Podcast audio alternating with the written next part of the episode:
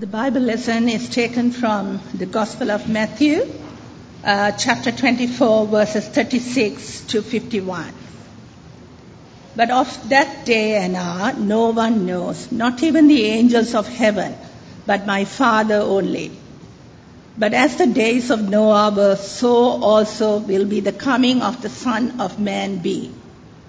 For as in the days before the flood, they were eating and drinking, marrying and giving in marriage until the day that Noah entered the ark, and did not know until the flood came and took them all away. So also will the coming of the Son of Man be. Then two men will be in the field, one will be taken and the other left. Two women will be grinding at a mill, mill, one will be taken and the other left. Watch therefore, for you do not know what hour your Lord is coming. But know this, that if the master of the house had known what hour the thief would come, he would have watched and not allowed his house to be broken into. Therefore, you also be ready, for the Son of Man is coming at an hour you do not expect. Who then is a faithful and wise servant whom his master made ruler over his household to give them food in due season? Blessed is that servant whom his master, when he comes, will find, do, find so doing. Assuredly, I say to you that he will make him ruler over all his goods. But if that evil servant says in his heart, My master is delaying his coming, and begins to beat his fellow servants, and to eat and drink with the drunkards, the master of that servant will come on a day when he is not looking for him, and at an hour that he is not aware of, and will cut him in two, and appoint him his portion with the hypocrites. There shall be weeping and gnashing of teeth. Well, I did something this week uh, that I rarely do. Uh, I went to the movies. It was Tuesday night, so cheap tickets, Valentine's Day. Uh, so I took myself off uh, to see a movie. Um, Lion, uh, which I recommend. Now, about 30 minutes into the movie, in walk a couple. 30 minutes in. Like, who does who does that? Do you do you walk into a movie uh, that that late? So they they missed the beginning, and from then on in the rest of the movie, they really had to play catch up, uh, working out uh, what, what, had happened. Well, that's a little bit like what we're doing uh, today. Uh, we've entered into Matthew's Gospel more like in the, the final 30 minutes. Uh, we're coming in real late, uh which is why we've read that little bit from Matthew 24, just to help give a little bit of context to what we're looking at here.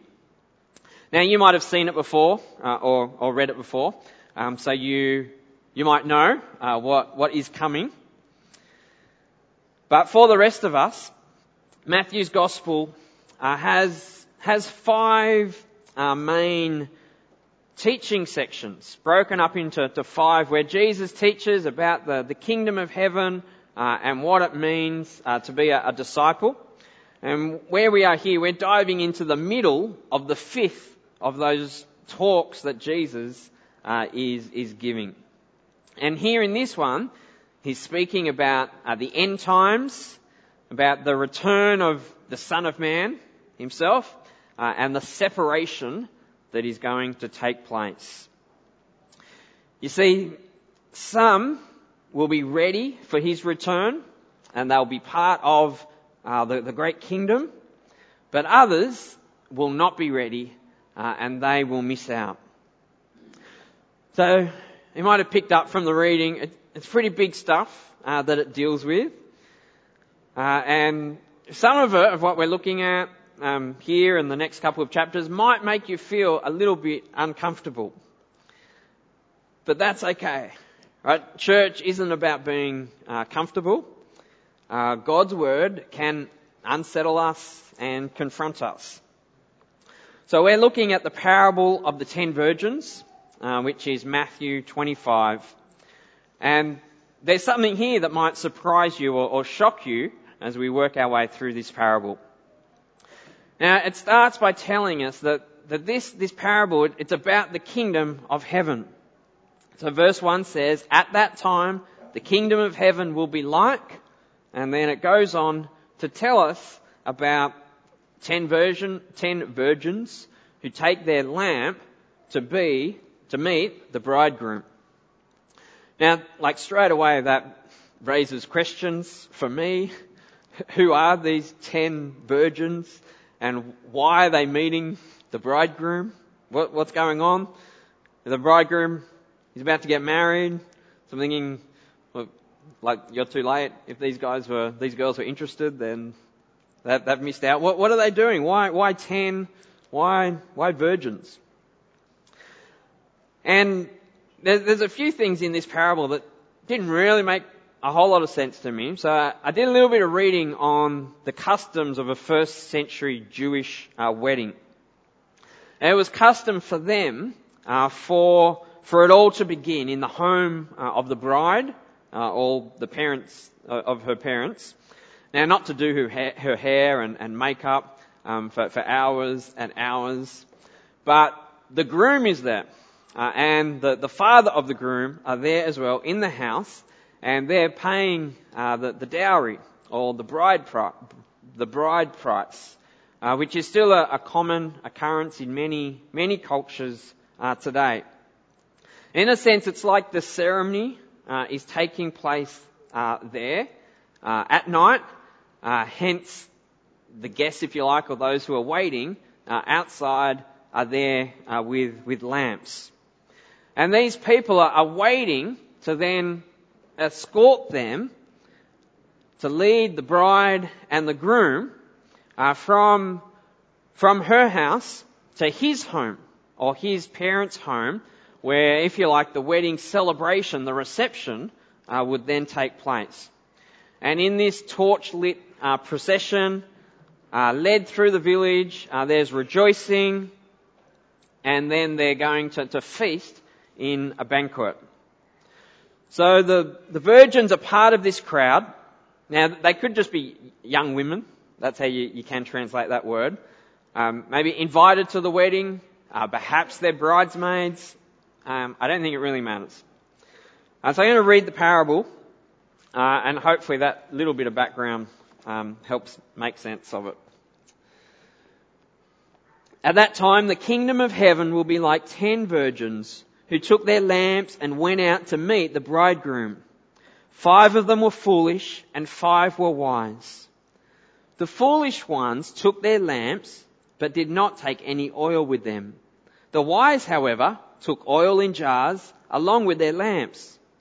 The bridegroom was a long time in coming and they all become drowsy and fell asleep. At midnight the cry rang out, Here's the bridegroom. Come out to meet him. Then all the virgins woke up and trimmed their lamps. The foolish one said to the wise, Give us some of your oil. Our lamps are going out. No, they replied. There may not be enough for both us and you. Instead, go to those who sell oil and buy some for yourselves. But while they were on their way to buy the oil, the bridegroom arrived the virgins who were ready went in with him to the wedding banquet, and the door was shut. Later, the others also came. Sir, sir, they said, open the door for us. But he replied, I tell you the truth, I don't know you. Therefore, keep watch, because you do not know the day or the hour. So in this parable, uh, we see uh, two categories of people, uh, two choices, and two consequences. So, firstly, two categories. Uh, here we have ten, ten young women, five are wise, and five are foolish. Now, this isn't the first time in Matthew's Gospel uh, where it is spoken about uh, these two groups. Jesus has already done this, hasn't he? spoken about the wise and the foolish uh, back in uh, Matthew 7, There he speaks of those who, who built their house on the rock and those who built their house on the sand. And the difference there between the, those who were wise and those who were foolish were those who heard Jesus' teaching and did something about it, and those who heard and did not act upon it. The difference between wise and foolish. Uh, maybe it's the, the difference between uh, discovering a treasure, but then selling everything you have to get that treasure, like in Matthew 13. In this parable, all ten are waiting, and all ten have a lamp there with them. All ten think that they're going to be part of this, this wedding, uh, going to the reception, uh, the banquet. But five are wise and five are foolish. Now, we all want to be wise, don't we? Uh, if we have a, a, choice, we would pick uh, wise uh, every time. Uh, no one, no one wants to be foolish, do they? Except our actions uh, might show otherwise. It's our actions, isn't it, that show our choice of being wise or not. Uh, which brings us to the two choices. So verse, verse 3 uh, tells us of the choice that the foolish ones made. So verse, verse 3, the foolish ones took their lamps, but did not take any oil with them. The wise, however, took oil in jars along with their lamps. Now maybe an example uh, today, rather than a, a lamp that, that, burns like this, would be a, a torch and trusting your, your batteries will be good enough. Uh, I did this uh, not too long ago. Uh, it was uh, late last year teaching a scripture class. And in one of the lessons, it was all about uh, light, uh, Jesus being the, the, the light and we also being, being the, the light, light to the world. So when the, when the time came for me to, to shine my, my torch in the, in the dark classroom and to, to show the, the light, turn it on and nothing. And then later when I got home, I checked, there were no batteries in my torch at all. That's foolish, isn't it? To try to use a, a torch that doesn't even have any batteries uh, in it. Whereas the wise person would check first or would make sure that they put in their uh, long-lasting uh, energizer uh, batteries. Uh, or maybe you would use the, the torchlight on your phone and be prepared and make sure your, your phone was, was fully charged so that, so that it could, it could work. Back then, th- these lamps, uh, perhaps they were uh, more like um, rags that were wrapped together on the end of a stick and um, dipped, soaked in oil uh, to be able to, to, burn. Maybe that's more like what they are um, on the end, end of a stick. You'd have to then re, re-dip it into oil for it to, to keep burning. Now we're told in verse 5 that the bridegroom was a long time in coming. Now we're probably more used to the bride being a long time in coming and you're there at the in the church maybe waiting and, and waiting. And if there's no music playing in the background, it can be a little bit awkward or the, the silence as you, as you wait. Um, but it's, it's the bridegroom waiting. But finally at midnight, I don't know how long they've been waiting, but finally at midnight the cry comes out, come, come and meet the bridegroom. And the wise, the wise are ready. Uh, they've got enough oil uh, for their lamps to keep burning, but the, the foolish, uh-uh, they, they don't. Uh, they, they don't. They don't have any extra oil. So there's no, there's no light for them to be part of this procession that is going to lead then uh, to her place. So at the last minute, they rush out to try to get some oil, but they're too late. They're too late. So the choice, the choice is being ready or not. Being prepared or not. And being, being ready to wait. However long that you've got to wait. Making that decision, decision uh, for the long haul and being ready that whole time. So for us today, uh, making the decision to follow Christ and being committed to that decision uh, all, all of our life. Uh, whatever might happen in our life, uh, still trusting Him, uh, being true to our decision that yes, I will follow Him. Now we don't know, do we, when Jesus will return? Um, it's already been what nearly nearly two thousand years. This is this is one of God's promises uh, that we are still waiting for to be fulfilled, and may, maybe some doubt whether it will happen. But when you think about it, when it comes to God and God making promises, uh, He's got a pretty good track record. I think it's 100%. Uh, so we can have every conf- confidence in this promise as well, that Jesus will return. We don't know the time. So the, the call here is to be ready now, making a, de- a decision to follow Christ now, uh, to believe that He is the Saviour that we need, uh, to believe that He has the right to be the Lord of our life, of your life, and to let Him have our life. Uh, that's what it is to be ready. Uh, easier said than done. Now, a, a bit like a marriage, uh, where the intention is to commit to that person for life. And you make vows, don't you, to that end. You're, you're promising, making a commitment to that person uh, for life, for better, for worse, for richer, for poorer, in sickness and in health, as long as we both shall live. And so every day, uh, you love your spouse and you live out those vows. The same with following Jesus. Committing to Him now and for the rest of our lives. Every day, giving yourself to Him. Uh, that's what it is to be ready for when He comes. So two categories, two choices, and two consequences. The foolish, they're caught unprepared, uh, and I think that they'd probably be shocked at the consequence. Uh, they, they were not ready. They didn't have the, the oil that they needed. So, so what happened? They missed out. Verse 10, uh, the door was shut. And so verse 11, they cry out, open the door for us.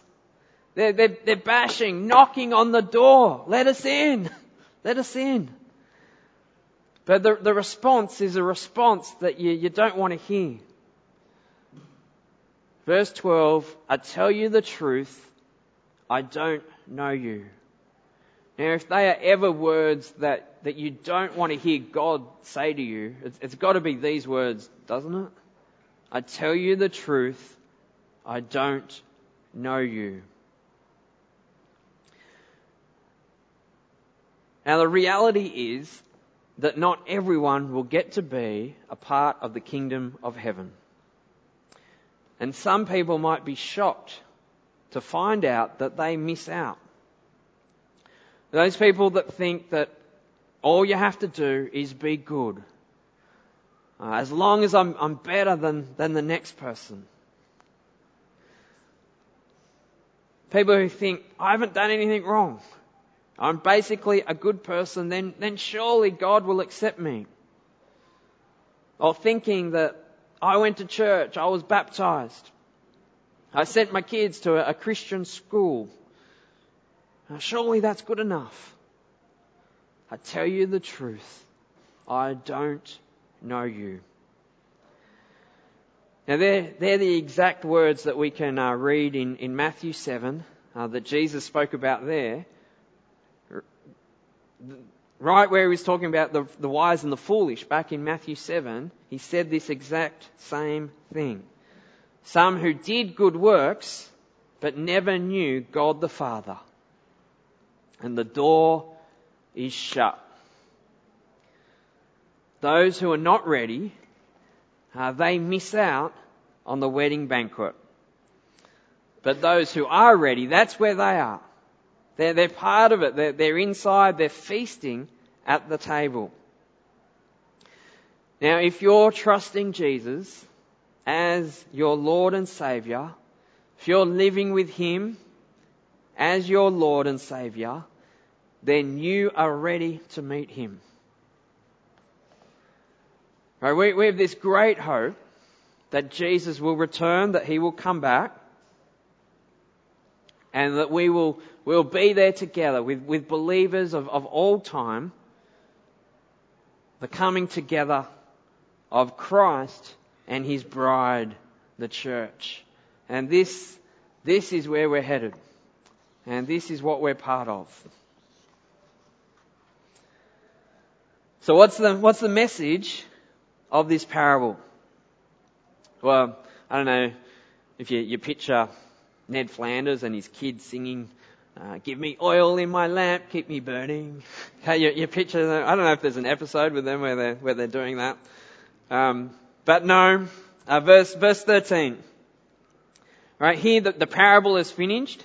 And verse 13, the concluding line, uh, this is the point. Therefore, keep watch, because you do not know the day or the hour. Right? It's the exact same line. It's exactly what Jesus said back in verse 42 of chapter 24. We are called to be ready now. We are to commit ourselves to Him now, to Christ now. And as a marriage is to be faithful uh, to the end, uh, so our commitment to Christ is to be faithful to the end. So for us this morning sitting here, uh, I think that there's three possible responses, I think. Uh, you might be uh, encouraged uh, to keep going, to keep trusting Jesus, to keep giving yourself to Him every day. Right? Knowing that you are a person who is ready, that you know what, what Jesus has done for you, you've handed your life over to Him, then hopefully the encouragement for you is to keep going See what it is that you are part of and keep putting your trust in Him, knowing that He will return. Uh, keep going, being faithful to the end. Or you might see this as a bit of a wake up call. Uh, you might see that you've become lazy, uh, that you're not taking your commitment to Christ seriously, and that if He was to return this week, uh, that you might be caught out. Uh, so you might see this as, as a, a call on you uh, to repent, to, to come back to Him and give yourself to Him. Maybe it's a, a particular area in your life that you know you need to sort out. You need to, to repent of that sin so that you're letting Jesus be Lord of your life, of all of your life. And lastly, you might recognize that, that you're not ready. That you, you don't know Christ. But maybe you're, you're eager, you want to know more. And if that is you, then I encourage you to, to keep coming. Because if you do, and as we keep working our way through these, these chapters, uh, you will see more and more of Christ and what it is that, that He has done in going to the cross and in Him being faithful to the end. So if that's you, um, keep coming and uh, maybe, maybe let, let me know. If you know that, that you're, you're not sure if you're ready, uh, let me know uh, so that we, we can help you uh, discover more about who Jesus is and what it might look like for you uh, to turn to Him and have Him as your Lord and Saviour. Well, let me pray. Father, thank you for your word uh, that speaks to us and speaks of the return of Jesus uh, and us are being ready. Our Father, I pray that for us here this morning, that every single one of us uh, would be ready for the return of Jesus and that we would be looking forward uh, to that. Father, may we be trusting Jesus for our salvation. And Father, may we be living with Him as our Lord. And Father, may it be a, a joy for us to do this uh, as we live out our lives, as we wait for His return. May it be a joy. In Jesus' name we pray. Amen.